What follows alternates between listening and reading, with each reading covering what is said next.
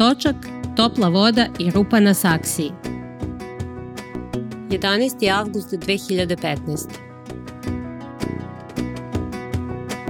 Postoje posebni tipovi ljudi kao što su pecaroši, navijači, profesionalne majke, ugledni blogeri, inženjeri elektrotehnike i radnici u kulturi.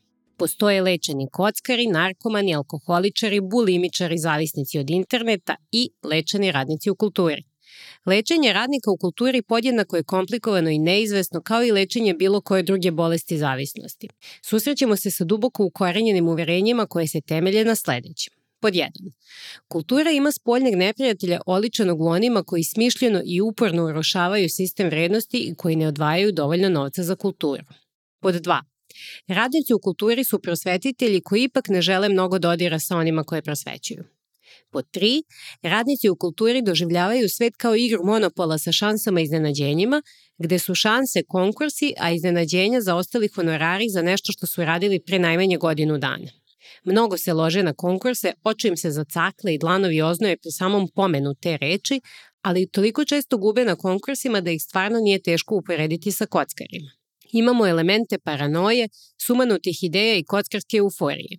Ako dodamo promenu ličnosti nakon godina i decenija provedenih u nekoj instituciji kulture ili pak u malom krugu van institucionalnih sapatnika, dobijamo slučaj za otvaranje kartona u jednoj drugačijoj instituciji.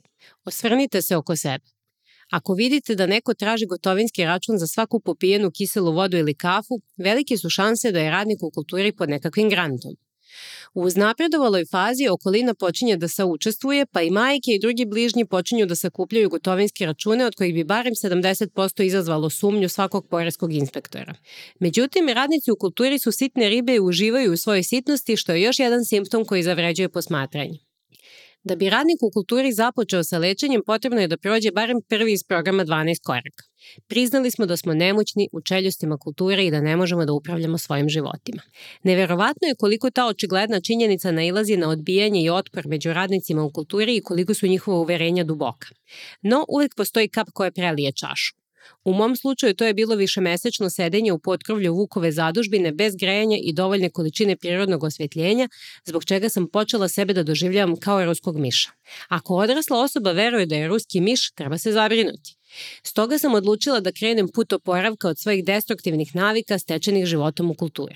Kada radnik u kulturi ostane bez kulture, on ili ona prolazi kroz sve faze žalosti odbijanje izolacija, bes, nagodba ili pregovaranje, depresija i prihvatanje. U svakoj fazi se može zaglaviti.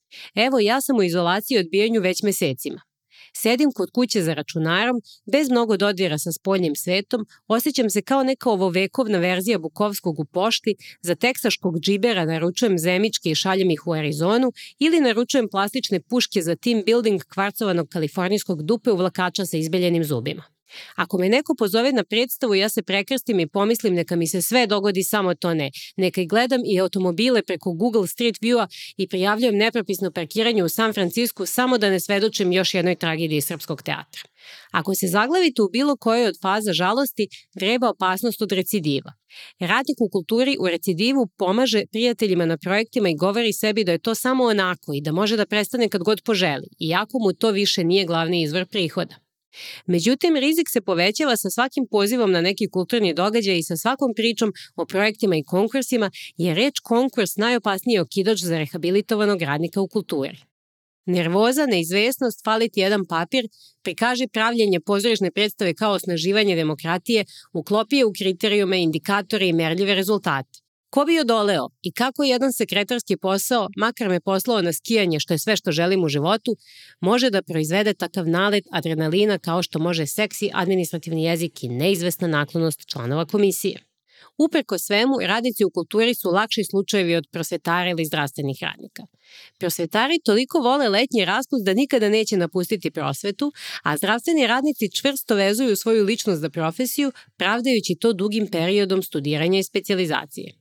Čehov, Ton Telehen i Zorica Kuburović su izuzeci koji potvrđuju pravilo. Najlakši slučajevi za lečenje su arhitekti. Poznajem ih samo nekoliko koji se zaista bave svojim poslom. A takvi profesionalni preletači mogu promeniti svet.